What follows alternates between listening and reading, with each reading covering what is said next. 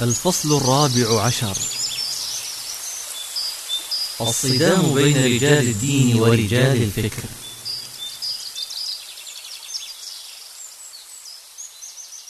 الأصل أنه لا تعارض بين الدين والعقل. وكيف تتعارض الأديان مع العقول والذي خلقها هو من أرسل رسله بالوحي إلى الناس؟ بل الدين يحث على الفكر والتفكر والتدبر والتعقل والبحث العلمي. ولكن خطيئة بعض رجال الدين وسلوكهم السلبي تجاه النص الرباني أوجد فجوة بينهم وبين رجال الفكر خاصة في أوروبا التي انحازت إلى اللادينية مخرجا من عصورهم الوسطى السوداء. أما الوحي بمضمونه الصحيح وبوصفه المصدر الوحيد لمعرفة الغيبيات التي يطلق عليها الفلاسفة ما وراء الطبيعة أو الميتافيزيقيا فإنه في حاجة إلى من يبلغه ويفسره للناس بصورة صحيحة. ويتحمل رجال الدين في كل عصر المسؤولية الكبرى التي توجب عليهم البيان بتجرد وإخلاص بحيث يبذلون قصارى جهدهم لتبيينه للناس كما نزل وليس كما يفهمونه أو كما يشتهون. وعند استقراء حالات التطرف وتشدد الكثير من الفلاسفة في أوروبا نجد أن السبب الرئيس وراء ذلك راجع إلى طريقة تعامل رجال الدين مع المجتمع عامه ومع الفلاسفة على وجه الخصوص لأنهم يتقدمون من يخرق المألوف.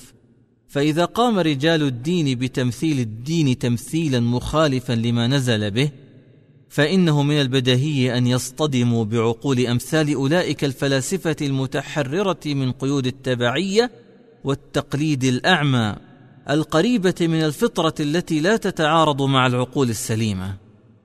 فيترتب على ذلك نشوء ملكة تطرف طارئة عند المفكر أو الفيلسوف كرد فعل مباشر للوصاية الكنسيه على شؤون الحياة بالباطل. ومن ثم يلمع نجم الفيلسوف المنسجم مع نفسه وفكره ومع من حوله من البشر. ويحظى بالقبول عند الناس أكثر من رجل الدين الملبس الحق بالباطل في نظرهم وهو يعلم ذلك. وهذا أمر طبيعي. المواجهة مع الاحبار والرهبان. لقد كان التطرف عند النصارى الكاثوليك خاصة سببا في انقسام الديانة النصرانية نفسها. وظهور طائفة البروتستانتية على يد مارتن لوثر الذي قامت حركته على أساس أن ملكة المعرفة في الاعتقاد هي الإيمان وملكة المعرفة في الفلسفة هي العقل وأن ميدان العقل هو المحسوس. أما ميدان اللاهوت والحقائق الغيبية السرمدية الروحية فلا تدرك إلا بالوحي من الله والإيمان به. انظر كتاب موسوعة الفلسفة بدوي مرجع سابق الجزء الثاني صفحة 366 والبروتستانتية طائفة تشكل اليوم ما يزيد على ثلث عدد النصارى في العالم. ومراحل نشوء البروتستانتية لها دلالات فكرية تعكس مرحلة الانسداد الفكري والمعرفي الذي تبنته الكنيسة الكاثوليكية منذ القدم. لقد بدأ لوثر حركته العلمية التمردية على الكاثوليكية الجامدة عندما وصل إلى روما عام 1511 من الميلاد فوجد البابا يبيع صكوك الغفران على الناس لينفق على الكنيسة. فثارت ثائرة لوثر وأصدر بيانا من خمسة وعشرين اعتراضا ضد صكوك الغفران وعلقه على باب كنيسة فيتنبرغ عام 1517 من الميلاد فتصدى له الراهب الكاثوليكي تيتسل وأصدر بيانا مضادا لبيان لوثر ثم قام بإحراق بيان لوثر علنا فانتقم الطلاب للوثر وأحرقوا بيان تيتسل ثم تواصل السجال حتى وجه لوثر بيانه الشهير إلى النبلاء المسيحيين في ألمانيا عام 1539 من الميلاد. وبعد ذلك كتب رسالته الحادة جدا في الكنيسة الكاثوليكية التي نص فيها على أن بابوية روما أسسها الشيطان. وانطلقت البروتستانتية عالميا منذ تلك الحادثة إلى يومنا هذا. انظر كتاب موسوعة الفلسفة. بدوي. مرجع سابق. الجزء الثاني صفحة 364 لقد كان من الطبيعي أن يحدث ذلك بعد أن بلغ بالمتشددين الكاثوليك الأمر أن حولوا الدين إلى أداة قهر وتعذيب وقتل لكل من يقف أمام مكتسباتهم الذاتية بعيدا عن الدين. وأي إنسان يفكر مجرد التفكير في التحرر من قيود الكنيسة الحديدية يكون مصيره المحاكمات والإعدام باسم الرب. لقد كان الكثير من سلوكيات القساوسة محل تندر وازدراء من عقلاء المجتمع. وقد كان فولتير من أشهر من وقفوا بشجاعة في وجه الكنيسة المتسلطة. وحدثت له صولات وجولات معها لا تخلو من طرافة أحيانا. يروي فولتير أن هنديا جاء إلى فرنسا بصحبة المكتشفين فدعته الكنيسة إلى دينها. وأول مشكلة واجهته هي كيفية تحويله إلى الديانة النصرانية. وبعد أن أهداه أحد رؤساء الأديرة نسخة من العهد الجديد. الكتب المقدسة عند أهل الكتاب في أصلها إما عهدا قديما أو عهدا جديدا. فالقديم Old Testament هو بحسب اعتقادهم أنه كل ما أوحى الله به إلى أنبيائه قبل عيسى عليه السلام وفيه أخبار آدم ونوح وإبراهيم وبشارة عيسى عليه السلام.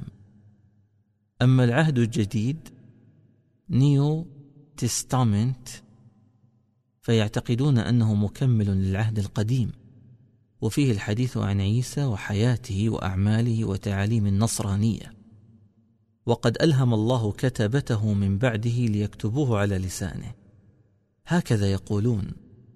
وقد أطلق أحمد ديدات رحمه الله على رسالة الإسلام الخاتمة أنها العهد الأخير. Last Testament. ليخاطب أهل الكتاب بلسانهم طمعا في دعوتهم إلى الحق. وبعد أن أهداه أحد رؤساء الأديرة نسخة من العهد الجديد الذي آمن به الهندي جاء ليقدم نفسه للتعميد والتطهير حيث لم يجد في العهد الجديد شخصا واحدا لم يتطهر. ولما واجهته مشكلة الاعتراف بالذنب تساءل وفي أي مكان وردت عبارة التعميد والتطهير في الإنجيل؟ فأرشده القسيس إلى نص ورد في إنجيل سنت جيمس. جاء فيه اعترف بخطاياك إلى الآخرين وبعد أن انتهى الهندي من الاعتراف أمسك القسيس من تلابيبه وسحبه بقوة وأجلسه على كرسي الاعتراف وطلب منه الاعتراف بدوره قائلا يا صديقي لقد قيل إنه يجب أن يعترف بعضنا بذنوبه إلى بعضنا الآخر. فقد اعترفت إليك بذنوبي فلن تخرج من هنا حتى تعترف لي بذنوبك. انظر كتاب قصة الفلسفة. ديورانت مرجع سابق صفحة 262 لقد كان فولتير من أشد المحاربين للتعصب الديني في فرنسا. وكان يوفر لضحاياهم الملاجئ المناسبة ويؤويهم ويحميهم من الاضطهاد الكنسي. وقد كان يقول إن الفيلسوف لا يتعصب ولا ينصب نفسه نبيا ومن أشهر عباراته لا أضع في مرتبة الفلاسفة أمثال زراديتش ولا هيرمس ولا أرمينوس القديم. ولا غيرهم من المشرعين الذين تفتخر بهم أمم لمجرد أنهم قالوا عن أنفسهم إنهم أبناء الآلهة. إنما كانوا آباء في الخداع مستخدمين الكذب من أجل تعلم حقائق. إنهم لم يكونوا فلاسفة بل كانوا كذابين ذوي فطنة. انظر كتاب موسوعة الفلسفة بدوي مرجع سابق. الجزء الثاني صفحة 202 203 لم يكن فولتير سوى إنسان طبيعي جدا استقل عن وصاية الكنيسة ففعل عقله بوصفه إنسانا متوازنا لا يقبل الوصاية البشرية من أحد فطارت شهرته في الآفاق على الرغم من أنه مجرد أديب ذي نزعة دينية معتدلة. ولو فتشت في تاريخه لوجدت أن خصومه وصفوه بأبشع ما يمكن أن يوصف به مخالف لأنه يرفض العقائد المسيحية الرئيسية التثليث وألوهية المسيح والتجسيد. واشتدت خصومته مع رجال الدين في آخر خمس عشرة سنة من حياته إذ وجد من رجال الدين عائقا أمام كل فكرة إصلاحية لتحرير الإنسان أو التسامح. ومن حينها جعل شعاره اسحق الخسيس وكان يختم بها مراسلاته. ولما اشتد به المرض زاره قسيس مدعيا أن الله أرسله ليسمع اعترافه. فطلب منه فولتير تقديم أوراق اعتماده من الله فرجع القسيس خائبا. وعندما اقترب أجل فولتير رفض رجال الدين كتابة وصيته ما لم يوقع على الاعتراف والإيمان بالمذهب الكاثوليكي. فتحداهم أن كتب وصيته بنفسه قائلا أموت على عبادة الله ومحبة أصدقائي وكراهية أعدائي ومقتي للخرافات والأساطير الدخيلة على الدين. انظر كتاب قصة الفلسفة ديورانت مرجع سابق صفحة 312 هذه المعركة الشرسة بين أديب ومفكر فرنسي مشهور بحجم فولتير وبين رجال الدين لا تعني أن فولتير كان ملحدا أو محاربا للدين كما يزعم بعض مروجي الإلحاد عنه بل كان يؤمن بإله الكون الحق ويكفر بما كان يقدمه اليهود والنصارى في عصره من خرافات يستغلون بها عامة الناس ويزعمون أنها من الدين لكن تطرف خصومه وفجورهم بالخصومة معه نتج عنها ردود أفعال أثارت حوله بعض الانطباعات الحادة المبنية على تشددهم ضده. ولم يكن فولتير وحده الذي واجه سلبيات رجال الدين. فقد كانوا أشد قسوة على العالم الفلكي جوردانو برونو.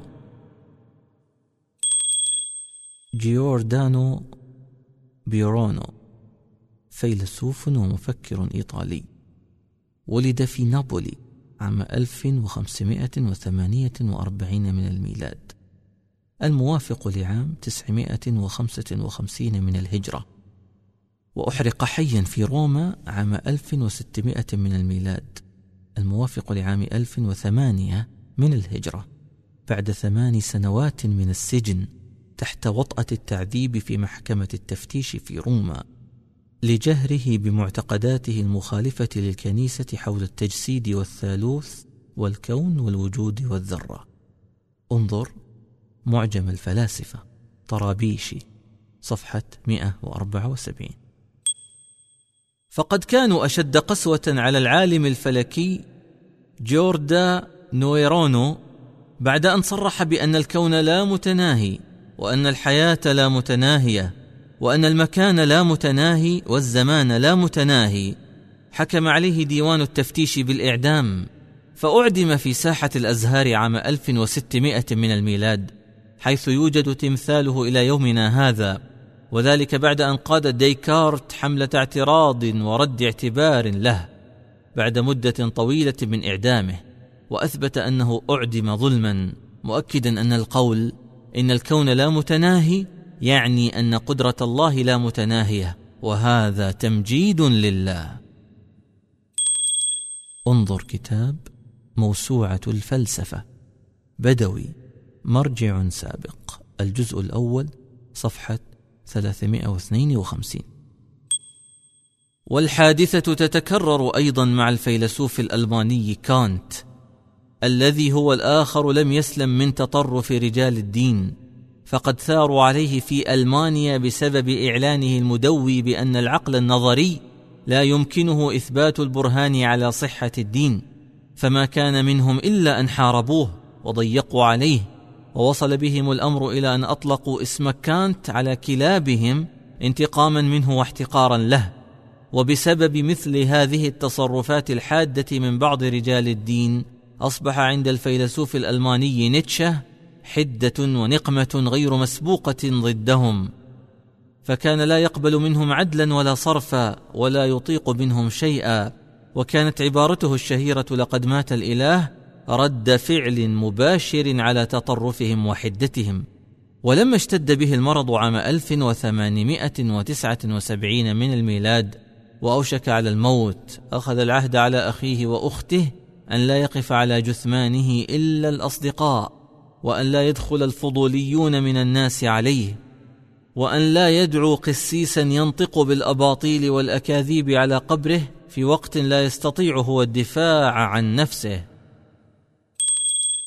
انظر كتاب قصة الفلسفة ديورانت مرجع سابق صفحة 517 ومن الواقفين بقوة ضد التطرف الديني الفيلسوف بيرتراند راسل المتهم بالإلحاد أيضا من قبل خصومه المتطرفين ضده الذين كانوا سببا فيما وصل إليه من حدة وإنكار للأديان ومما واجهه منهم أنه عندما عين استاذا في كلية الحقوق في جامعة نيويورك ثار عليه رجال الدين ودافعو الضرائب باحتجاجات مطالبين بفصله لأنه عدو الدين والأخلاق فرضخت الجامعة لمطلبهم وفصلته فصلا تعسفيا وأتبعت ذلك حكما عليه بأنه لا يصلح للتدريس ما أوجد عنده كراهية شديدة للدين ولرجال الدين وانعكس ذلك على حياته وسلوكه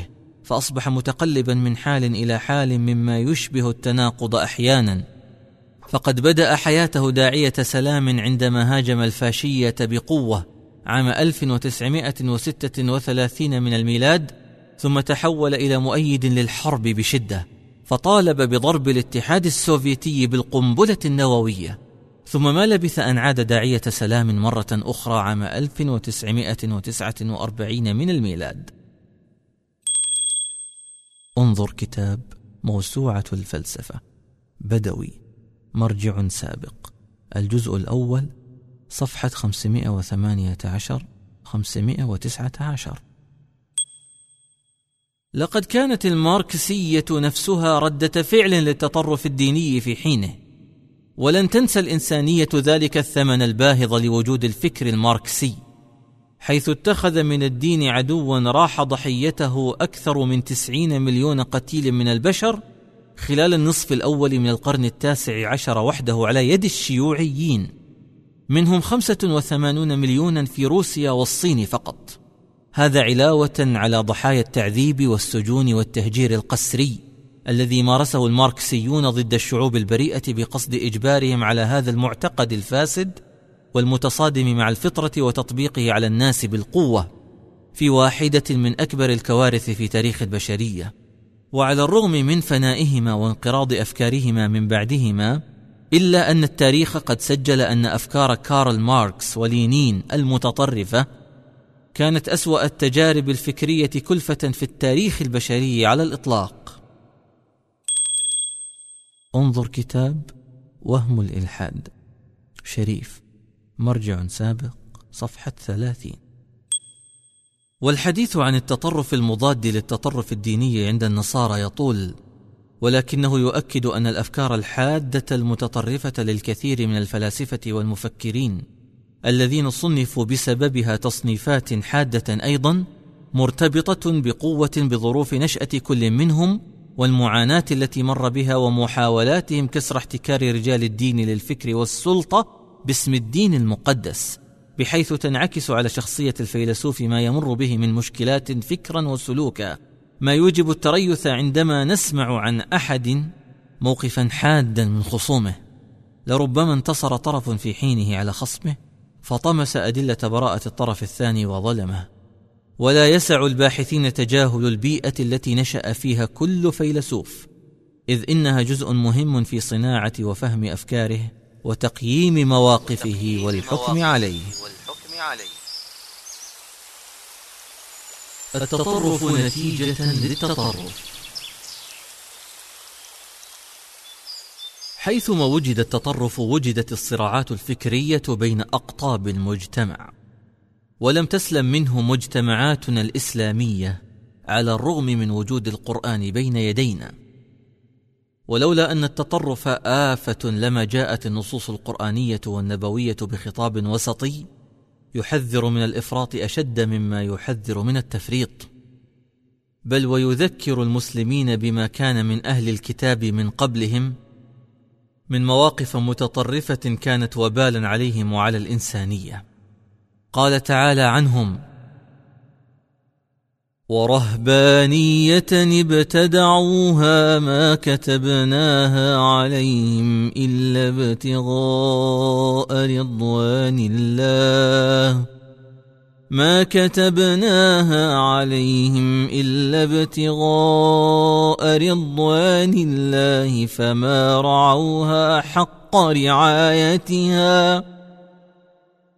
وقال تعالى قل يا أهل الكتاب لا تغلوا في دينكم غير الحق ولا تتبعوا ولا تتبعوا اهواء قوم قد ضلوا من قبل واضلوا كثيرا وأضلوا كثيرا وضلوا عن سواء السبيل. ومع هذا التذكير فلم يكن تاريخ المسلمين محصنا عن بعض مظاهر التطرف التي جدفت بالأمة يمينا وشمالا. وكلما وجد المتطرفون في مرحلة تاريخية أفرزت تلك المرحلة عجائب وغرائب فكرية واعتقادية تصبح فيما بعد عبئا على الموروث الديني والإسلامي. ويأتي في مقدمة تلك العجائب الاستبداد والإقصاء والوصاية وحرية التصنيف التي يمارسها بعض الأطراف ضد الآخر ونسبة ذلك للدين. وهذه من أهم العوامل المنبتة لمظاهر الإلحاد والصدود عن الدين لاصطدامها مع الفطرة السوية وكرامة الإنسان. ومن الإنصاف أن لا نساوي الصراع داخل الأمة الإسلامية مع مفكريها بما حدث مع أهل الكتاب من قبلهم. فهناك فرق كبير بين أديان ترهلت وحرفت كتبها المقدسة واستوجب الأمر أن يأتي دين خاتم يفتح للبشرية آفاقا قد أغلقها الأوائل فينسخها ويجعل الدين عند الله الإسلام. وهذا لا يعني خلو ساحه المسلمين من أزمات تطرف وسقوط ضحايا بسببها. ولم يجتمع التطرف الحاد ورد فعله القوي جدا في صورة بشعة جدا في شخص واحد كاجتماعهما في شخصية الملحد المشهور عبد الله القصيمي. عبد الله القصيمي كانت ولادته عام 1907 وتوفي عام 1996 من الميلاد. الموافق لعام 1325 1417 من الهجرة. مفكر سعودي منحرف جدا. من أكثر الشخصيات العربية إثارة للجدل. حيث انقلب من موقع المناصر بقوة للدين من أقوى درجات المحافظة إلى أن بلغ بالإلحاد حدا لا يكاد يبلغه أحد من قبله. ومات على ذلك. نسأل الله الثبات على الحق ونعوذ بالله من سوء الخاتمة. الذي نشأ في قلب بيئة محافظة جدا وبدأ حياته العملية متطرفا متشددا. انتهى به الأمر متطرفا متشددا ولكن في الاتجاه الآخر. إذ لم يتجرأ إنس ولا جان على ذات الله كما تجرأ وتكلم القصيمي. فعاش شقيا كئيبا طريدا في حياة بؤس وعناء ويأس وانعدام للبسمة والسعادة. قل أن تجتمع هذه الطوام في شخص تجاوز الثمانين تائها على وجهه. ومات في التسعين من عمره على ذلك شريدا طريدا في القاهرة. ويحرص الملحدون المعجبون بفكر القصيمي على إخفاء الحقائق السلبية المذهلة عن شخصيته خوفا من انكشاف سبب إلحاده. فلا يذكرون مثلا أنه كان في تركيبته النفسية شكاكا في كل شيء حساسا من كل شيء قاسي الطبع متمردا على كل مألوف حزينا بائسا. لا تكاد ترى منه ابتسامة ولا يتوقع منه الترويح عن أحد بطرفة مسلية. إنه في عالم جحيمي آخر يشتم ويلعن محطم يحطم يتمرغ في الإحباط ويمرغ غيره فيه. لقد كان متكبرا مغرورا إلى درجة أن مدح نفسه بقصيدة جاء فيها ولو أن ما عندي من العلم والفضل يقسم في الآفاق أغنى عن الرسل. انظر كتاب وهم الإلحاد. شريف. مرجع سابق. صفحة 130 وبلغ به الغرور أن كتب على أحد كتبه هذه العبارة. سيقول مؤرخو الفكر إنه بهذا الكتاب بدأت الأمم العربية تتبصر طريق العقل. انظر كتاب وهم الإلحاد مرجع سابق شريف صفحة 130 وحتى يدرك المغترون بشخصيته سبب انحرافه وإلحاده أحيلهم إلى كلامه عن نفسه. ولا أصدق من إقرار الإنسان على نفسه مختارا حيث يقول تحولت لأني عندما بدأت أراجع نفسي وعقيدتي بميزان العقل وجدت من المشايخ كل هجوم وتعنيف وازدراء بدلا من النصح والتوجيه. وهذا اعتراف منه بأن العناد كان الدافع الأساسي لإلحاده. انظر كتاب وهم الإلحاد شريف مرجع سابق صفحة 132 ومن أضل ممن يرى رجلا مضطربا بهذه الدرجة؟ غارقا في العقد النفسية والفكرية ثم يرهن به عقول الأمة المتوازنة الطيبة الزكية ويلبس الحقيقة على شبابنا وشاباتنا الأطهار لايهامهم بأن وراء هذا المريض المبتلى قضية تستحق التأمل. وبأي معيار يلمع ويسوق القصيمي ليشوش به على شباب أبرياء ولدوا على الفطرة والنقاء. لا يدركون زيف إطلاق صفة مفكر على مثل القصيمي.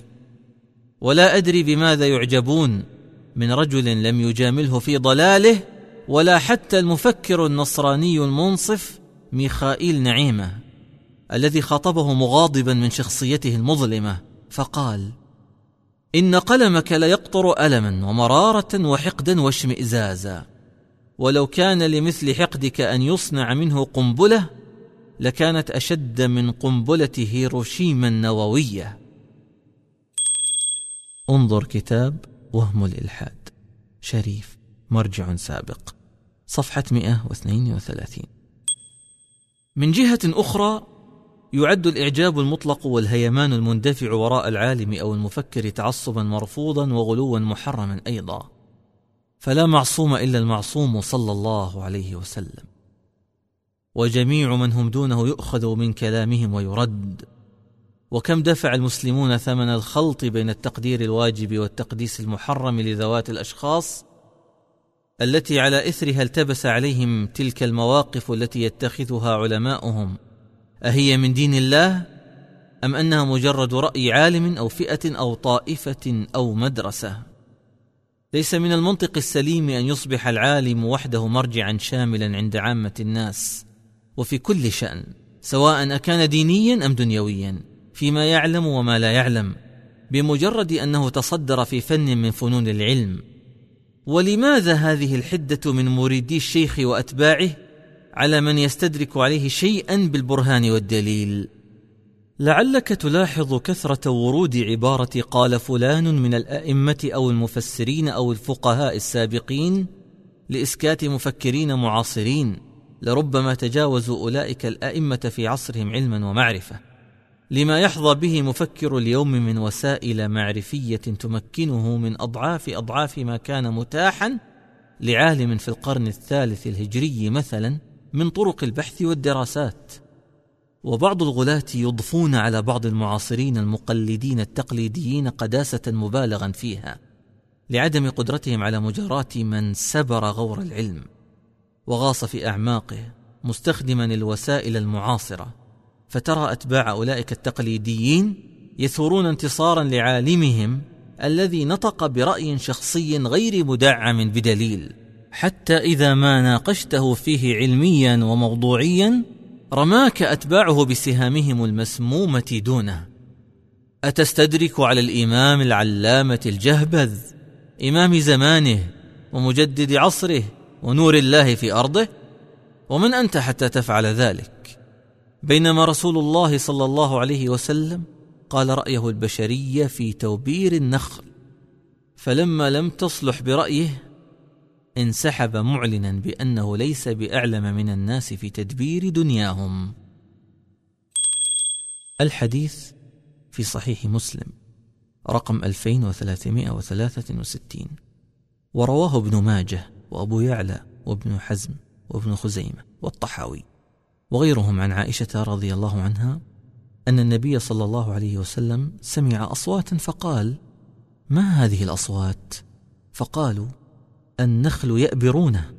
فقال لو لم يفعلوا لصلح ذلك فأمسكوا فلم يأبروا عامته فصار شيصا. فذكر ذلك للنبي صلى الله عليه وسلم فقال كان شيء من أمر دنياكم فشأنكم وكان شيء من أمر دينكم فإلي. وفي لفظ مسلم فقال ما لنخلكم؟ قالوا قلت كذا وكذا. قال أنتم أعلم بأمر دنياكم. وكان يستشير أصحابه في نوازل وأمور كبرى وهذا التوسط في منهجه والتواضع ولين الجانب هو ما يدعو إليه القرآن أمة الإسلام قاطبة في قوله تعالى وكذلك جعلناكم أمة وسطا لتكونوا شهداء على الناس لتكونوا شهداء على الناس ويكون الرسول عليكم شهيداً. وما يتلمسه أيضا كل مسلم باستفتاحه ركعات الصلوات يوميا بقوله اهدنا الصراط المستقيم.